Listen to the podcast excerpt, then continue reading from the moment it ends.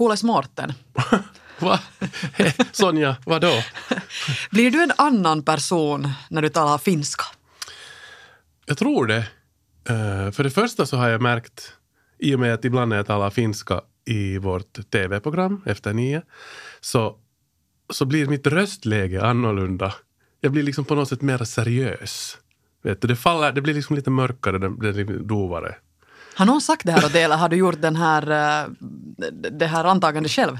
Eh, någon har faktiskt sagt det och så har jag efteråt lyssnat och märkt att det stämmer. Ah. Att jag tror att jag, tar, jag blir, jag, eh, så att säga, blir lite mer återhållsam. Och jo, jag blir en, en annorlunda person. Jag kanske är lite försiktigare och lite, ja hur ska man säga? Jag tror att det också har något att göra att man kanske inte vill verka eh, dum. Men Det här är ganska vanligt. Om du inte kan tala ett språk perfekt så vill du inte verka dum för att du inte kan säga samma saker som på ditt modersmål. Så jag blir nog en, en annorlunda Mårten. Ja. Men li, det, är bara, det är marginellt. Mm. För det är, ju, det är ju dumt att, att, att du tänker så för att din finska är ju jättebra. Men jag tror att det har också att göra med det att din svenska är ju så otroligt bra så att du har, du har så höga Tack. förväntningar på dig själv. Nå, om nu någon kan svenska i vårt program så är det ju nog du. Nå, inte ska du nu alls... Vad heter det? Om det är någon som kan finska så är det ju du. Nå, ja. Men du, du kanske... Du är ju ganska tvåspråkig så det händer inte kanske så mycket när du byter. Jag, tar, jag talar lika skit på båda språken.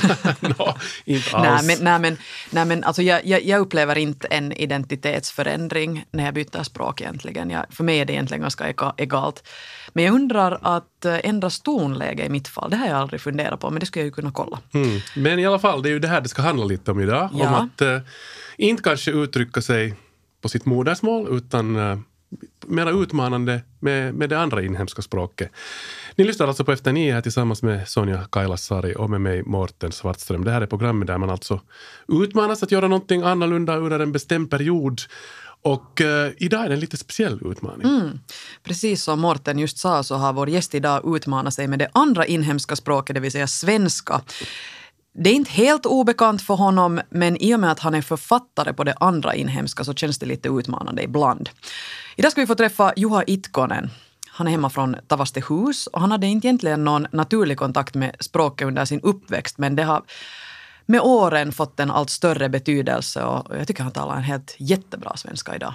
Juha Itkonen kom ju i fjol höstas ut med, den, med boken eh, 7 plus 7 brev i en orolig tid. Det var alltså en sån här brevväxlingsbok som han skrev tillsammans med, med Kjell Westö där de skickade brev åt varandra som de då skulle sen läsa och så skulle de svara på dem. Nå, nu ska den här boken alltså komma ut som ljudbok, eh, både på finska och på svenska. och därför har Juha varit tvungen, kan man väl nästan säga, att läsa, in, ja, att läsa in sina brev på svenska. Han skrev dem ursprungligen då på finska. Och idag ska vi få veta hur, hur den här eh, utmaningen har gått för Juha. Ja, jag tycker att vi säger välkommen till författaren Juha Itkonen. Hjärtligt välkommen Juha Itkonen. Tack så mycket. Hur står det till? Bra tack, bra tack. Det är en solig dag Mm, här i det är det. Är du nervös inför uh, intervjuer på svenska? Eh, inte speciellt, men, men lite mer än intervjuer på finska. Ja, det måste jag erkänna. Ja. Man måste kämpa med, förstås. Hur länge har du gett intervjuer på svenska? Jag minns inte när var, när var min första. Det har inte varit så jättemånga innan den, den här boken, men, men några har då ju, ju varit. Jag bara vågade, vågade försöka pröva på och sen ryktet gick fram att ja, det här finskspråkiga killen pratar egentligen någorlunda svenska alltså. Sen började man fråga ibland, kan du säga någonting? Och sen, sen har jag sagt. Man blir som redaktör alltid så glad när man hör att en finskspråkig människa talar svenska när man inte hade förväntat sig det. Ja, ja, ja, ja, jag, har, jag har märkt det också. Och visst eh, gör det en eh, finskspråkig eh, person som mig också, också mer modig att göra det. Alltså man uppmuntras att, att använda, använda svenska språket. Och det har också blivit mer och mer viktigt för mig att, att, att som finskspråkig tala för det svenska språket och, och tvåspråkighet i vårt land. Och det gör jag. Jag, jag hör till den här Svenska Nu-nätverket och, och sen när man har diskuterat om pakkoruotsi. Mm, jag skrev ett inlägg till Helsingin Sanomat. Sådana saker har jag gjort. Alltså, för mig är det självklart, som jag skriver i den här prepboken med Kjell, att, att, att fattar faktiskt inte hur, hur man kan tänka att det, det skulle vara något ont för landet att vi har två språk eller flera språk här. Alltså det är en rikedom. Det är inte alla som, som, som förstår det. Men eh, om vi går tillbaka till eh, din språkhistoria så att säga, så, så hur, hur kom svenskan in i ditt liv? Det kom bara i skolan i, i högstadiet. Alltså jag, jag är från en helt finskspråkig familj i en, i en fast helt finskspråkig stad. Hämeenlinna, Tavastehus, alltså en gammal stad. Ja, med svenskspråkig historia också förstås, men, men nu, alltså det, det, man kan säga helt finskspråkig, alltså man, man, man hörde ingen svensk, svenska i, i min barndom. Alltså det är en bra fråga, alltså varför var jag intresserad av, av svenska språket, men jag har också alltid varit nyfiken, nyfiken nyfiken av nya världar eller så. Att, att, alltså min, min första minne av att jag var ett barn, kanske sju eller åtta och vi, vi kom för att besöka släkt, släktingar här i, i Myrbacka faktiskt. Alltså, vi körde från Tavastehus till Myrbacka och sen i Kehä Kolmonen kring tre såg, såg jag dessa vägskyltar, hur- hur säger man? Ja, ja, vägskyltar. Och, och plötsligt hade de två språk, alltså ring tre. Vad fan är det? Alltså, alltså, alltså, det lät, lät på något sätt helt magiskt och alltså det här gatuskyltar med det var kuohukuja, men jag, jag minns inte riktigt vad var det på svenska, men, Oj. men i alla fall. Skulle det kunna vara Bubbelvägen? Det låter Eller. Gränden. Det var Det gränden. Det. Ja, kuja, ja, ja. då- Vad skulle kuohu vara? Men bubbel tänker jag, men sådär, vad är det? Ja, inte. kanske. No, inte kan det vara bubbelgränd. Inte kan det heller, men jag tycker att det ska låta sådär vi i Bullerbyn-aktigt. Men i alla fall var jag faktiskt positivt inställd. Alltså, Det här låter, låter fint. Och, och sen började man studera svenska, sjätte, sjunde klassen. Och vår första bok, det hette Toppen och det började med, med killar som hette Anders och Janne. Och Tänk vad man kommer ihåg. Att prata är ju en sak, men hur är det att skriva på svenska? det- det är svårare. Det är svårare för mig. Jag gör det inte så mycket. Jag, jag skriver några, några mejl och försöker göra det lite mer, men, men det är överraskande svårt. Även om jag är författare, eller kanske just därför, Kanske att, just därför. att jag skulle vilja skriva ganska skönt och sen, sen när jag inte kan blir jag, blir jag besviken. Och, och så. Alltså jag har ju skrivit kolumner för Husis, men, men jag har, när jag har gjort det, jag har alltid, jag har äh, alltid sk- skrivit på finska och sen blev de översatta. Alltså. Jag har pratat om svenska språket med, med Anu Koivunen, den här forskare, ja, medievetenskap och så. Och, och hon, hon, hon sa det att hon, hon skriver nu ganska fritt och flytande på svenska. Men hon är finskspråk- finskspråkig också. Alltså hon har bara lärt sig, hon har jobbat i Sverige också. Alltså skrivit mycket mer, varit tvungen att skriva. Men, men hon säger att det går. Kanske går det vara en utmaning. Alltså, Ja, nästa utmaning. Nä, nästa utmaning, utmaning att, att, inte, inte skriva en bok, men en kolumn på svenska.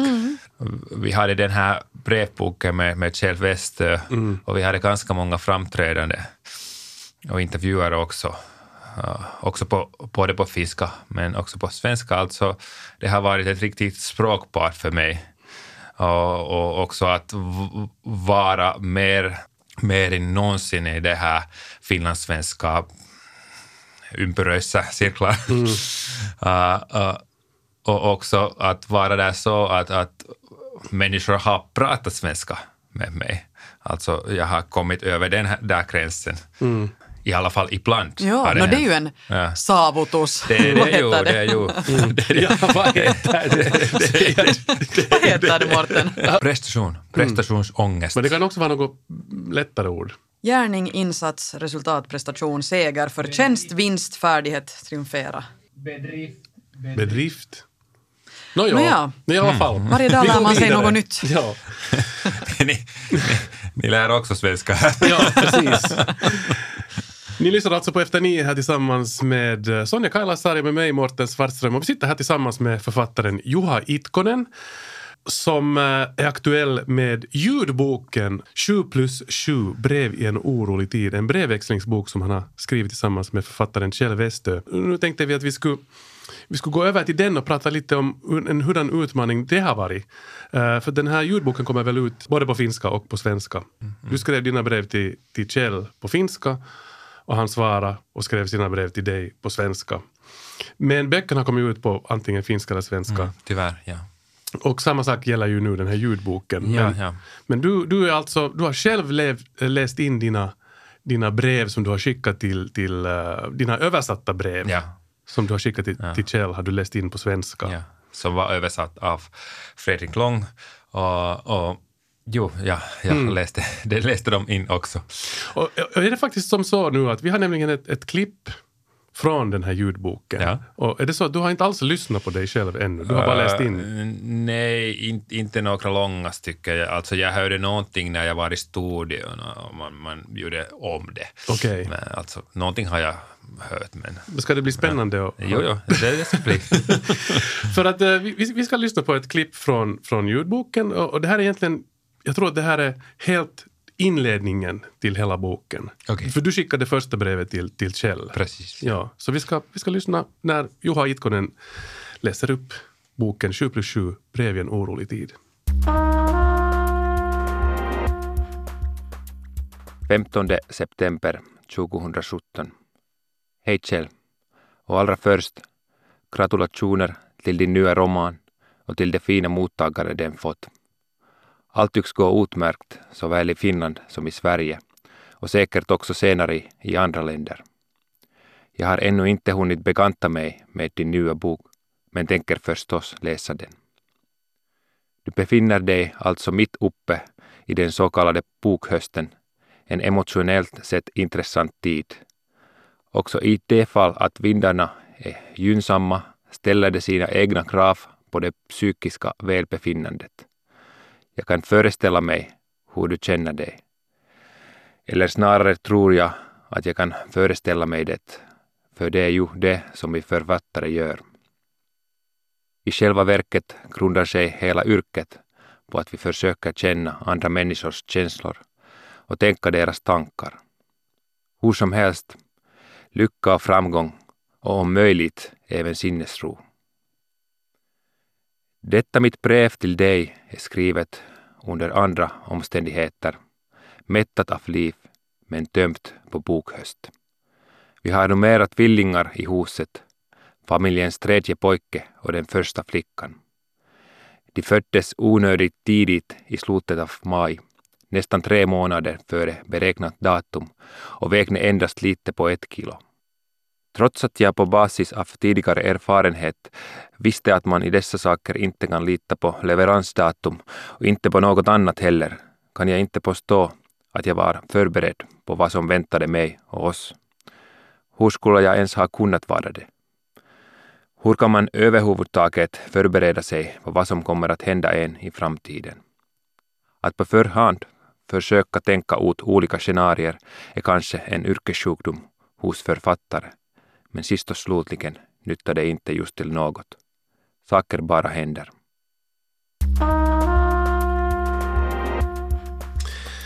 Där hörde vi alltså Juha Itkonen som läser inledningen till boken eh, 7 plus 7 brev i en orolig tid, eller ljudboken alltså. Ja. Hur känns det Juha att höra sig själv? Uh, ja, konstigt. jag satt där i studion, det var i november, eh, i, i Lönnrotsgatan här i Helsingfors. Och det, det, tror jag var där fyra gånger tre tim- timmar, alltså cirka tolv timmar totalt. Nästan fyra, fyra dagar i sträck. Alltså. Det kändes långt. Du har ju egentligen ursprungligen skrivit den här texten på finska. Ja. Så hur känns det att läsa upp den och höra den och läsa den på ett annat språk? Känner du fortfarande igen den, liksom, din egen text? Jo, jag känner det igen. När jag läste det på finska, det var min text, min rytm exakt, mitt språk. Jag minns vad jag hade skrivit. Uh, och när jag läste i det där var, var det naturligtvis svårare, inte bara därför att, att det var svenska språket, men, men jag hade själv inte skrivit de där mm. raderna. Alla gånger var jag, var jag jättetrött. Alltså det var, det var bara utmanande både för munnen och hjärnan. Mm. Inte så mycket för munnen, men, men jättemycket för hjärnan. Mm. För det som jag märkte var att också att läsa hela boken in på finska, det var inte lätt heller. Och nu, nu menar jag precis det här munnen, alltså det, det är ganska tufft språk, finska också, alltså långa ord. Och alla som går in i studion och läser in en ljudbok, de går, de går ut och säger att jag, jag skulle aldrig ha tänkt att det är så, så, det är så svårt. Mm. Och man måste ju vara noga med att man inte stapplar och så här. Så alltså, det just, just det här med stapplingen också. Det kan förekomma ett ord som ser ganska, ganska viaton först, men, men, men sen har du problem med det. Och sen eh, man måste göra det om och om igen. Alltså det finns en person naturligtvis där i, i studiokoppen och, och och det, det är ganska rutinsmässigt, alltså det går fort, alltså hon, när, när, man, när du staplar går han bara tillbaka. Och sen ganska fort kommer det eh, samma strecket igen. Och sen, sen, sen måste man säga det om och sen börjar man känna den här jag tror det är just prestationsångest. alltså nu måste jag lyckas här. Ja, det blir svårare. Absolut. det blir svårare och svårare. Samma ord, ja. ja. Minns du något ord som, som blev en sån här akilleshäl för dig? Mm, nej, nej, jag minns inte, minns inte längre, men, men eh, det fanns ju ganska många, både på finska och svenska. Ja. Man, man kan bli riktigt nervös redan. Alltså, Packa, jag måste komma ut, ut, ut härifrån. Men det är, om jag inte kan säga det här jävla ordet så är det omöjligt. De, de ska locka mig in här. Ibland är det kärnfysik. Hur många ljudböcker har du innan det här läst in? Uh, de, var de här var mina allra första, alltså. Uh, ljudboken uh, är, är ganska ny. Mm.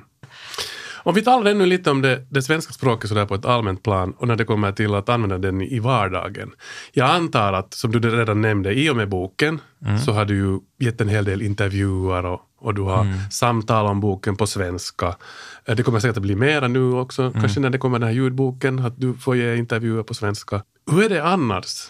I vardagen? I vardagen. Hur mycket använder du svenskan och hur mycket eventuellt provar du ibland på att kanske mm. börja någonting på svenska? Ja, jag, jag skulle vilja använda det mer än jag gör. Här i Helsingfors, det kan vara ganska svårt ibland eftersom så många svenskspråkiga här är tvåspråkiga eller i alla, fall, så flytande på svenska att man mm. kommer inte över den där gränsen där det skulle vara naturligt.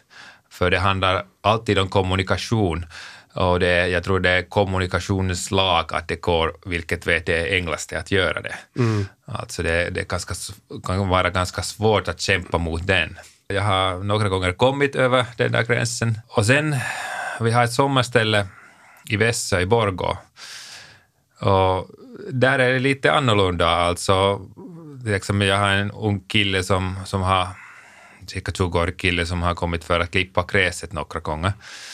Ja, hon är så, han är så pass svenskspråkig att, att, att vi båda märkte att det, det går lika bra eller, eller kanske även enklare om jag pratar svenska mm. med, med honom. Och sen har jag också, nu minns jag att jag har skrivit någonting, jag har skrivit sms till honom, alltså mm. med det här svenska och, och, och hans svenska är, är sådär ungdomssvenska, alltså jag har äh, lärt mig massa av nya saker. Något sådana ord som han har använt som du kanske inte först har förstått. Ja, ja, ja precis.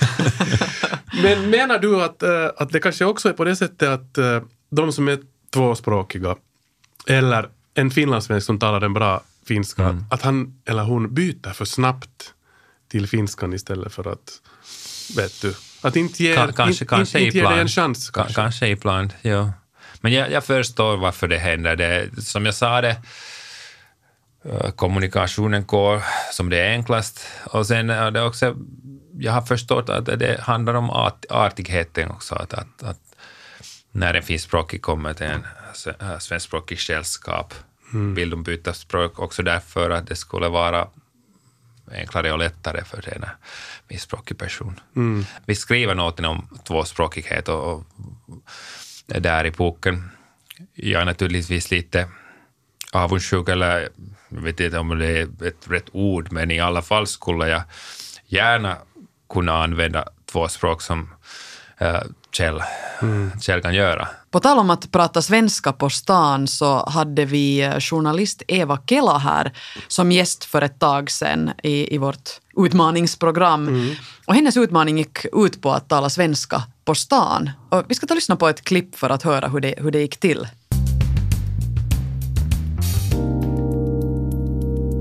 Hej, ursäkta. Pratar du svenska? En. En på. Skulle du vilja prata bättre svenska? En. Hej, pratar ni svenska? Nej. Pratar du svenska? Nej. Och du? Nej. Men förstår ni svenska? Nej.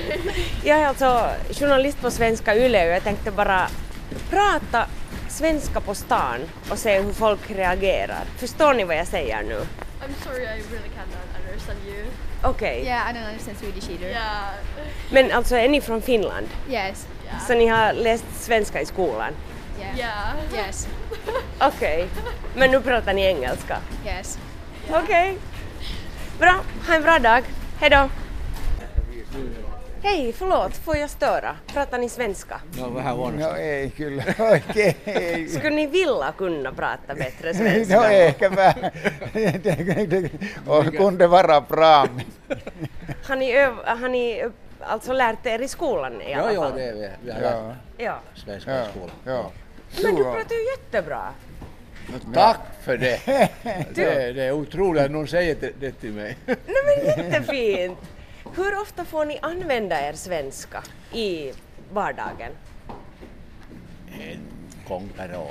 Inte. Nej, nej, nej, ofta, ofta. Jag har en vän som är svenskspråkig med honom då och då. ja. Så han, ja, han bytte till finska då. Att, ja, ska vi fortsätta det lättare? Okej, nå hur känns det när han byter till finska? Ja, han, han, hans, hans, språk, hans finska är mycket bra så att det, jag, jag märker det inte. Han bara byter det.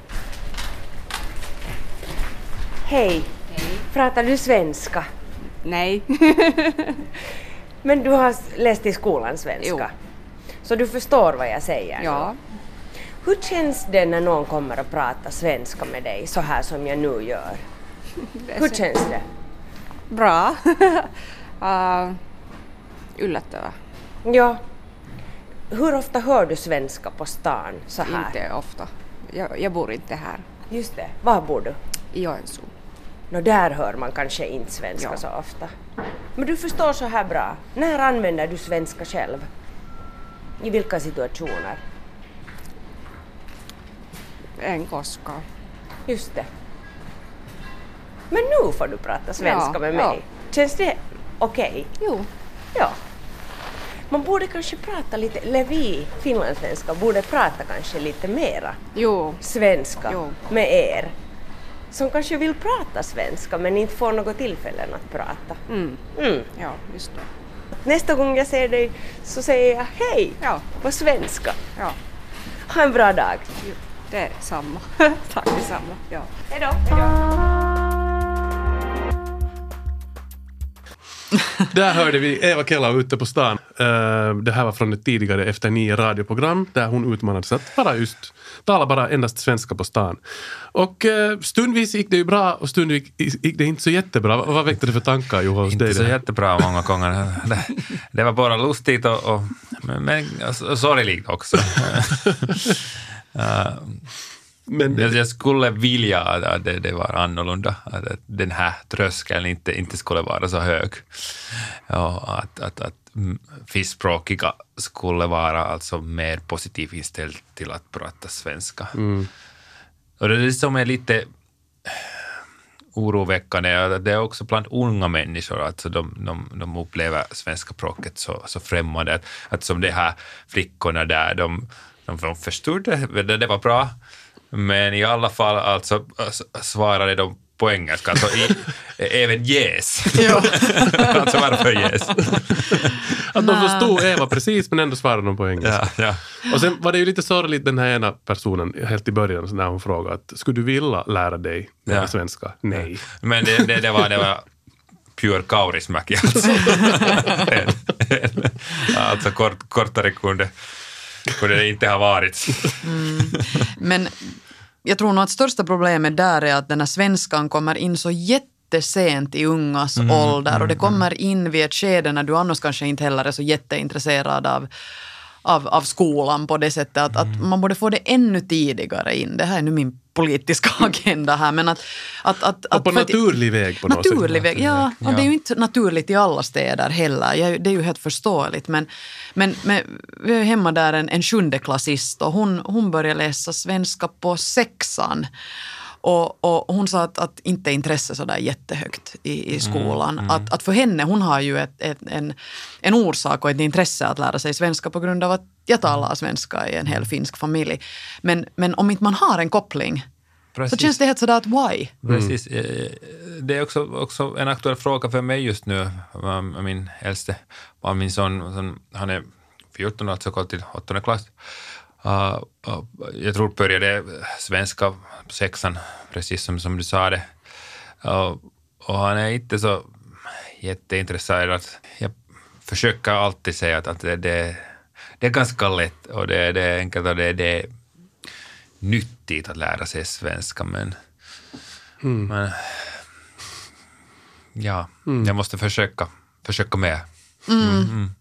Juha Itkonen, ähm, också aktuell med ljudboken av äh, den här senaste boken, brevväxlingsboken som ni skrev tillsammans med Kjell Westö. Kommer alltså ut här under våren där du, en, där du läser på svenska upp dina brev och äh, sen har du ju också här idag talat svenska med oss i det här radioprogrammet. Vet du nu redan när du nästa gång kommer att tala eller bli intervjuad eller, eller framföra någonting på svenska? Alltså, alltså allra senast i, i Mariehamns litteraturdagar som, Okej. är, som är slutet av mars, men, men jag tror det, det ska komma, komma chanser för, för det. Men om, om ljudboken vill jag, vill jag säga en sak, alltså jag skulle inte ha kunnat göra det helt med själv. Alltså jag hade en, en, en svenskspråkig assistent där i studion, alltså Kira Söder från förlaget som satt, satt där i studion och hjälpte mig med några ord. Eh, alltså visst, visst förekom det ord som jag inte kunde säga riktigt. Och sen någonting om svenska språket också. Eh, det är löjligt med det här e och ä. Och, alltså, alltså man måste bara veta. Man kan inte... Det finns inga regler. det, det finns inga regler. Ja, du menar att Alltså- svenska språket är svårt på det, det är ologiskt på Ja, något sätt. det det är ologiskt. Jag vill alltså klaga. jag pratade med Kjell om det här och klagade. Att, att, ja, och sen Kjell, Kjell berättade mig att, att eh, cirka hundra år sedan hade de försökt att göra något slags reform i Sverige. Men hade inte lyckats så nu är det bara så. Jag vet inte, vem, vem, vem, vem ska man klaga till tror du Sonja? Ja, det, det är en bra fråga. Men nu har, nu har det blivit sagt, så nu ska vi se om det händer någonting efter det här. Jag tror att, att någonstans i Sverige finns Det människor. Som kan ändra på det här. Ja. Ja. Tusen tack, Tack så mycket. Juha Itkonen för det här. Ja, det var stort roligt. tack. Ja. Ni har lyssnat alltså på Efter nio här tillsammans med Sonja Kailasari med mig Mårten Svartström och vi är som vanligt tillbaka nästa vecka med nya gäster och nya diskussioner.